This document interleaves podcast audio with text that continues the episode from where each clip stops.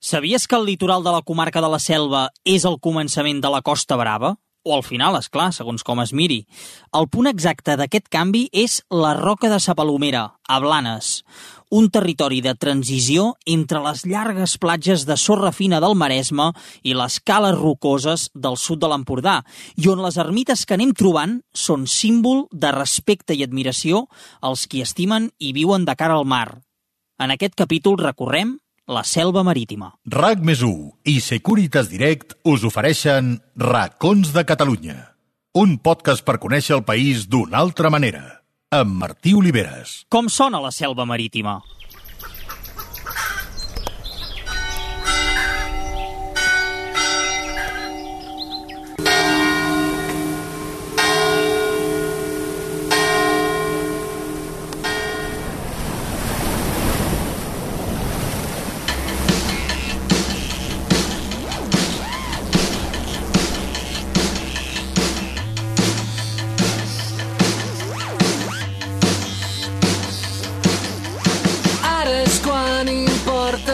Les estones que passàvem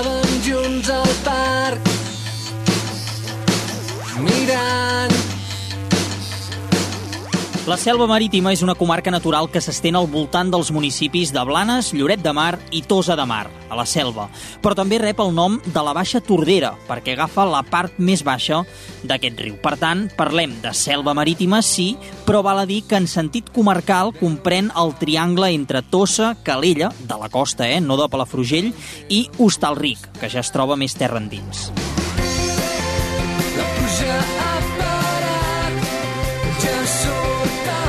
La Tordera desemboca al mar Mediterrani en aquest punt entre Blanes i Malgrat de Mar després de recórrer uns 60 quilòmetres i forma un espai, un petit delta. Aquest delta, el delta de la Tordera, és un espai natural protegit de primer ordre, que és força desconegut a més, i alberga una gran quantitat d'hàbitats i d'espècies animals i vegetals típiques d'ambients aquàtics costaners. La selva marítima és un territori de transició, ja que aquí és on comença, o acaba, segons com es miri, la Costa Brava. I també aquí es troben les comarques de la Selva i el Maresme i les províncies de Girona i Barcelona. Però si passegeu per la zona veureu canvis també a cop d'ull, a simple vista. Aquí ja costa trobar les platges llargues i de sorra fina del Maresme, i en canvi qui agafa protagonisme són els penya-segats i les cales rocoses que van guanyant terreny a mesura que ens desplacem cap al nord en direcció al sud de l'Empordà. Formiguets constant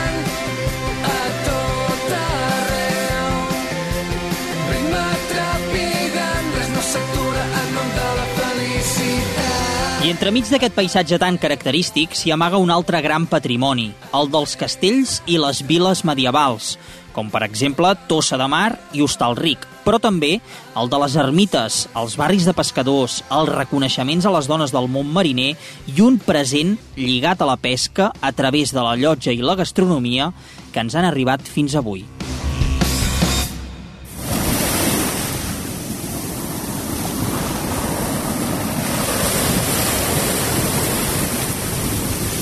Mireu, ara sóc aquí al passeig marítim de Blanes, aquesta localitat de la costa, la primera de la Costa Brava, província de Girona, i, i res, estic passejant a veure si em trobo algun veí de la zona. Veurem, veurem si hi ha sort, perquè, clar, us podeu imaginar, eh, la, la Costa Brava i Blanes és una de les poblacions doncs, amb afluència de turisme durant, durant tot l'any i especialment ara els mesos d'estiu. Ei, bon dia, què tal? Hola, bon dia. Com et dius? Bé, eh, em dic Ricard. D'aquí? Ets de la zona? Sí, sí, sóc de Blanes, sí. De Blanes de tota la vida? De tota la vida. Ostres, doncs mira, és, és el que ara estava comentant fora de, de trobar-nos, ah. perquè és complicat trobar gent que sigui d'aquí en aquesta època de l'any, que hi ha tantíssima gent de fora i turisme estranger, eh? Turisme, gent de Barcelona, moltíssima. Eh, costa trobar, fins i tot eh, la gent d'aquí del poble, eh, pel passeig, difícilment trobes algú que sigui conegut. Clar, clar, clar. Escolta'm, aquesta zona de la, de la selva marítima, no? Potser és poc conegut aquest, aquest nom de marítima, el cognom a la comarca de la selva, aquesta part més litoral. Sí, sí, perquè es comprèn 3-4 pobles més i després és ja tot la part interior. Sí, és un, dins de la, la comarca hi ha poc territori que sigui marítim, sí. Des del, des del teu punt de vista, aquesta part de, de la costa, de la selva marítima, eh, què en destacaries? Què, què és el que més t'agrada? Bueno, Una persona com tu que ets d'aquí. A mi el que m'agrada molt és la zona de la Palomera, Sa Palomera, Val. que és la roca aquesta que tenim aquí davant. Eh, bueno, ha quedat aquí com un monument eh, d'inici de la Costa Brava, com deies tu abans, mm. i la veritat és que és un territori molt maco, i també el que ens agrada molt és la zona del castell, Castell de Sant Joan, a dalt. Mm. La vista aquesta, no? Sí, la panoràmica que tens amb aquestes roques aquí al principi, Sí, la imatge característica. Sí, si pugeu a dalt, vull dir, unes vistes eh, molt maques, sí. Sí, sí, sí. Bueno. Tu com a, com a fill d'aquí, quina evolució has vist a, a, la, Ui. a la vila de Blanes en, en relació fins i tot amb la població, l'arribada del turisme una mica? Sí, a veure, quan va començar a arribar turisme, jo era molt petit, mm. però jo ja l'he viscut. Ja de petit doncs, venia quantitat de gent eh, europea, alemanys, holandesos, francesos, quantitat, quantitat, i, i bueno, hem tingut anys de davallada i ara sembla que torna a remuntar sí, sembla remuntar, sí, sí, sí. i bueno, hi ha gent de Barcelona o de Rodalies de Barcelona uh, la que vulguis I amb aquest clima tan favorable, no? Perquè és, és Aquí la encantador. uah, sí, sí, sí. Som molt de platja. Uah. Ah, en lloc com a casa. Sí, sí, eh? sí, sí, vull dir, a més a més vivim aquí mateix, vull dir que ho tenim molt, molt arran, sí. Doncs res, Ricard, et deixo que continuïs el passeig Vale. matinal i que vagi molt bé. Moltes gràcies. A tu, molt que vagi bé. Adéu-siau. Adéu. The white dog of the farm still breathes. She's off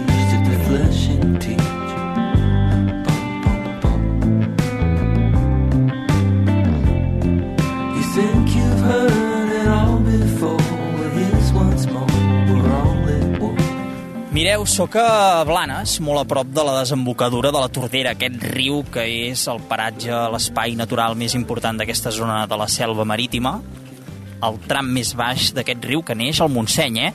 a la part de Sant Marçal. Per tant, terra endins, la Tordera comença a baixar cap a la part baixa de la selva, cap a Fogàs, Tordera, tota aquesta part que trenca amb el Maresme, i fins aquí, fins a la desembocadura entre, entre Blanes i Malgrat. I m'acompanyen una parella de Blanes i sobretot la Cristina, perquè és una enamorada d'aquest territori. La Cristina d'aquí de Blanes... Escolta, vaig veure el teu perfil a Twitter i tens fotografies d'espècies de tota aquesta zona natural. Unes quantes. Uh, unes quantes, Unes- eh? unes quantes. Cristina, gràcies, com estàs? Hola, bé. Sí? Doncs- Passejant. Sí. També tenim l'Igor, eh?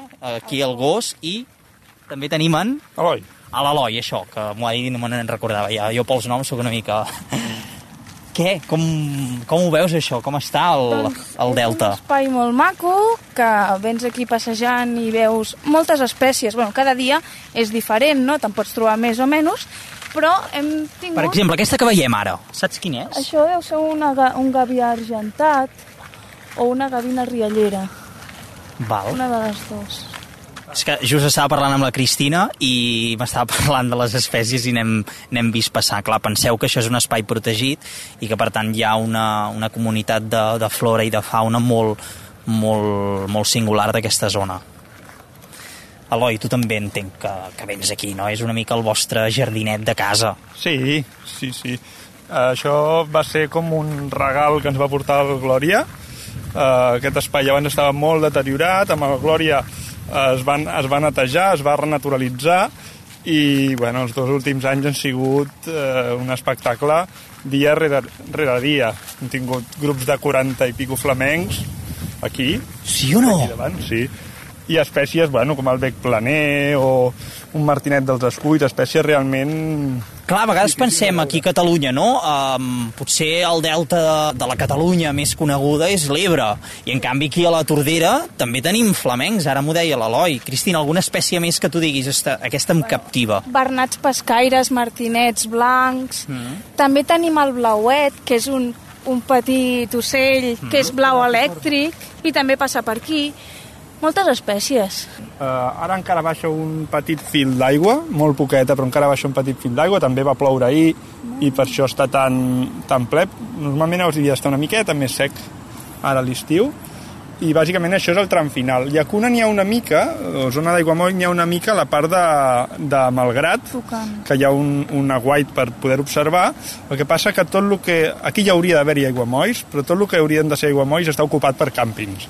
És a dir, els aiguamolls haurien d'estar aquí davant o a darrere nostre i ara tot això els càmpings ho van, ho van aplanar i tenen caravanes i, i el que seria aquest espai natural no el tenim. Tenim eh, el que és protegit estrictament, que és la llera del riu. I veig que portes, Cristina, uns llargavistes, eh? uns prismàtics. Que ara mateix allà al fons veiem un bernat pescaire, un ànec blanc i ànecs collverds. Uita. Està... Tu no veus l'ànec, estan allà. Sí, sí, estem fent aquesta observació. Ells venen preparats perquè són, són de la zona i, i, i uns enamorats d'aquesta tordera que, que arriba aquí al Mediterrani. I ara em deien, eh, des del confinament, això des del Glòria, doncs han pogut eh, viure la màxima esplendor d'aquesta naturalesa que sembla que després de la pandèmia ha reviscut tot, eh, tot i que tornem a on Bueno, estàvem, sí. malauradament, Ara- però com a mínim aquells dos anys, ai, aquells sí. bons. Exacte, per les espècies, per aquesta zona. Sí, sí. Ja, també hi ha orenetes per aquí totes volant, tots aquests que, que volen per aquí. S'escolta les onades del mar. Sí, sí, se sent aquest, aquest contrast eh, de, de, de la part de, de la Baixa Tordera amb, amb, amb el mar. Doncs res, continuem passejant per aquí amb, amb l'Eloi i amb la Cristina, amb aquesta parella de blanes, perquè jo crec que el que hem de fer és, és gaudir d'això, d'aquests sons del territori, més que nosaltres poder-hi posar, posar les nostres veus. Eh? També. Fins ara. Molt bé. Fins ara.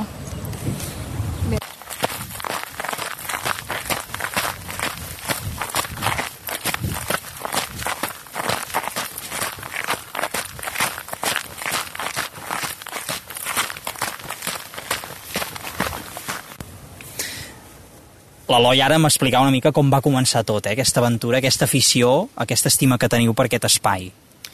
Sí, quan, quan, quan va haver-hi el temporal Glòria va haver-hi un cert moviment de naturalistes de, de la comarca per protegir aquest espai i una de les, de les maneres per protegir un espai o una de les coses eh, bàsiques perquè un espai es protegeixi és que la gent ho conegui i ho estimi, no? I en aquest moment va ser quan ens vam comprar un parell de càmeres i vam començar a retratar i a compartir a Facebook, Twitter, pa passant per whatsapps, a grup de whatsapps, no? doncs imatges del que teníem aquí perquè la gent ho conegués i ho estimés i ho volgués protegir.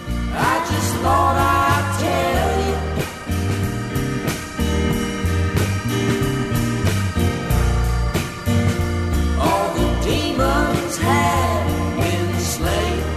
I ara, abans de continuar la nostra parada a la selva marítima, deixeu-me que us recordi que ja tenim aquí a la Sònia, que ens donarà alguns consells i recomanacions de Securitas Direct per protegir tot el que val la pena de casa nostra. Sònia, endavant! Com esteu? Avui us explicaré com funciona l'alarma de Securitas Direct perquè estigueu tranquils quan viatgeu a alguns d'aquests indrets tan bonics que ens recomana en Martí, ja que casa vostra i sobretot les vostres pertinences estaran ben protegides. Mireu, si sou fora de casa i us heu oblidat de connectar l'alarma, no us preocupeu, perquè a través de l'aplicació de Securitas Direct podeu connectar i desconnectar l'alarma i configurar-la com us vagi millor. A més, si us oblideu de fer-ho, l'aplicació també us ho recorda. Un altre avantatge que té l'alarma de Securitas Direct és que podeu veure qualsevol part del vostre habitatge a través de les càmeres i en alta resolució quan sigueu fora. A través de l'app podeu seguir què passa en tot moment a casa vostra i si hi ha cap problema, amb el botó SOS podeu avisar els experts en seguretat a qualsevol hora. Sempre hi són per ajudar-vos. Així d'eficient és l'alarma de Securitas Direct. I és que a casa vostra o al vostre pis o apartament és on hi ha tot el que val la pena protegir. Si per vosaltres és important, confieu en Securitas Direct.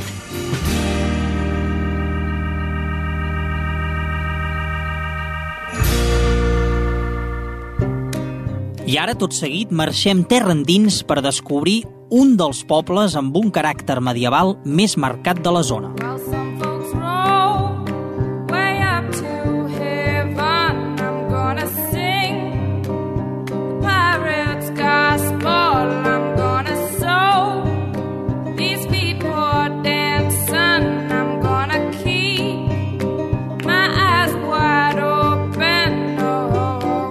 Mireu, sóc a Hostalric, a la comarca de la Selva, aquesta part més interior de la selva marítima, i estic pujant a la Torre dels Frares. És una torre de vigia, una torre de guaita, uh, que ara tot seguit doncs, us en donarem una mica més de detalls perquè aquí dalt he quedat amb una de les que, les que ho porta, una de les responsables, en aquest cas de l'oficina de turisme, que és la Laura Margant. Ja sóc dalt, acabo d'arribar a la torre i m'acabo de trobar la Laura. Laura, què tal? Bon dia. Hola, bon dia. Com estàs? Bé. Aquí gaudint d'aquestes vistes, escolta, això és un privilegi, eh? Sí, sí. Molt bé. Uh, Hostalric, té aquesta forma, eh? Quan vas per aquí l'autopista ja, ja ho veus, eh? Té aquesta imatge del recinte emmurallat i aquí als peus la, la vila. Ets d'aquí d'Hostalric, tu? Jo sóc nascuda aquí a Hostalric, eh, ara no hi visc, però, però sí, jo em considero d'aquí a Hostalric. Què és per tu aquesta zona de la selva marítima, aquesta part interior? Patrimoni, bàsicament. Què, què en destacaries d'aquesta zona, d'aquesta vila? Bueno, bàsicament els seus icones és el castell, Fortalesa, és un castell del segle XVIII i llavors la part del recinte medieval, és a dir, tenim dues èpoques destacables al llarg de la història, les tenim concentrades en poc més de 3 quilòmetres quadrats. Veiem des d'aquesta torre dels frares el recinte emmurallat del castell, oi? I després el, el, el poble. Bé, el recinte murallat està en el poble, val? i el castell eh, és la fortalesa. Diguéssim, la muralla està en el poble, val? que és la part que forma part del, del recinte medieval, i llavors, per altra banda, hi ha el castell Fortalesa, que hi havia hagut un castell medieval, eh? eh el que passa és que no en queden restes, i llavors, eh, per la seva situació estratègica, perquè està a mig camí entre Girona i Barcelona, es va refer el castell seguint les tècniques constructives d'època moderna. i el nucli de- d'Hostalric que manté aquesta combinació, podríem dir, de construcció nova i construcció del patrimoni de com havia estat abans. No? Exacte, sí, sí. Així mateix. I aquesta torre, Torre dels Frares, em deies, Torre de, de Guaita, Torre de Vigia, um, tal com ens indica el seu nom, era per avisar de les novetats que hi pogués haver, no? Val, és una torre de, això, de guaita, no forma part eh, del recinte medieval, almenys no es coneix, perquè la muralla comença a la plaça. Eh, es, eh, per la documentació sembla ser que és una miqueta anterior a la resta del recinte emmurallat i està just davant de l'Ajuntament. Per tant, abans l'Ajuntament havia sigut un, un convent de, de pares mínims i aquesta torre va agafar el, el nom de Torre dels Frares, però evidentment la torre és anterior a l'Ajuntament i al convent. Per tant, la torre abans en deien la Torre del Pas Baix. Val? I més endavant, el, el vell del convent doncs, va agafar el, el nom de la Torre dels Frares. Molt bé. Doncs amb aquestes vistes continuem fent, fent aquest passeig per aquí, aquesta torre de, de Guaita, de Vigia, d'Hostalric. És un lloc que us recomano molt, de veritat, perquè és un privilegi, és un balcó, tenim al fons el Montseny, i aquí doncs, el que ens comentava ara la Laura, tota aquesta part molt agrícola, eh? la part baixa de la Tordera, les hortes, i tenim el poble, el nucli d'Hostalric, amb la part del castell fortificat doncs, a la part alta. Digue'm. El castell de Montsoriu també destaca Castell de Montsoriu. vista des d'aquí perquè veritat. juntament amb Hostalric som els eh, eixos eh, de poder del Vescomtat de Cabrera. Val? Carai! Breda, Blanes, Montsoriu i Hostalric com a capital administrativa. I des d'aquí es veu el castell de Montsoriu i crec que és, és eh, de remarcar també. Molt bé, Laura, doncs gràcies per, per aquesta passejada per aquest, per aquest recinte, per aquesta torre, i que vagi bé. Molt bé, bon dia. Now that you've gotten to the autumn your years and you feel your best yet, and you found a turkey feather and you hung it like an. En aquest 18è capítol hem passejat per la zona més baixa de la comarca de la Selva, la Selva Marítima.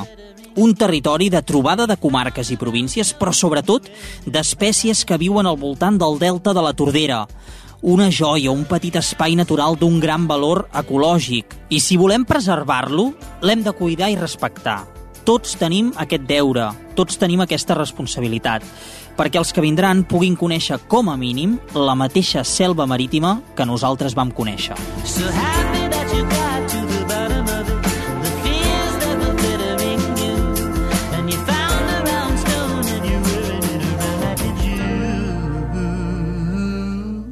RAC més i Securitas Direct us han ofert Racons de Catalunya amb Martí Oliveres.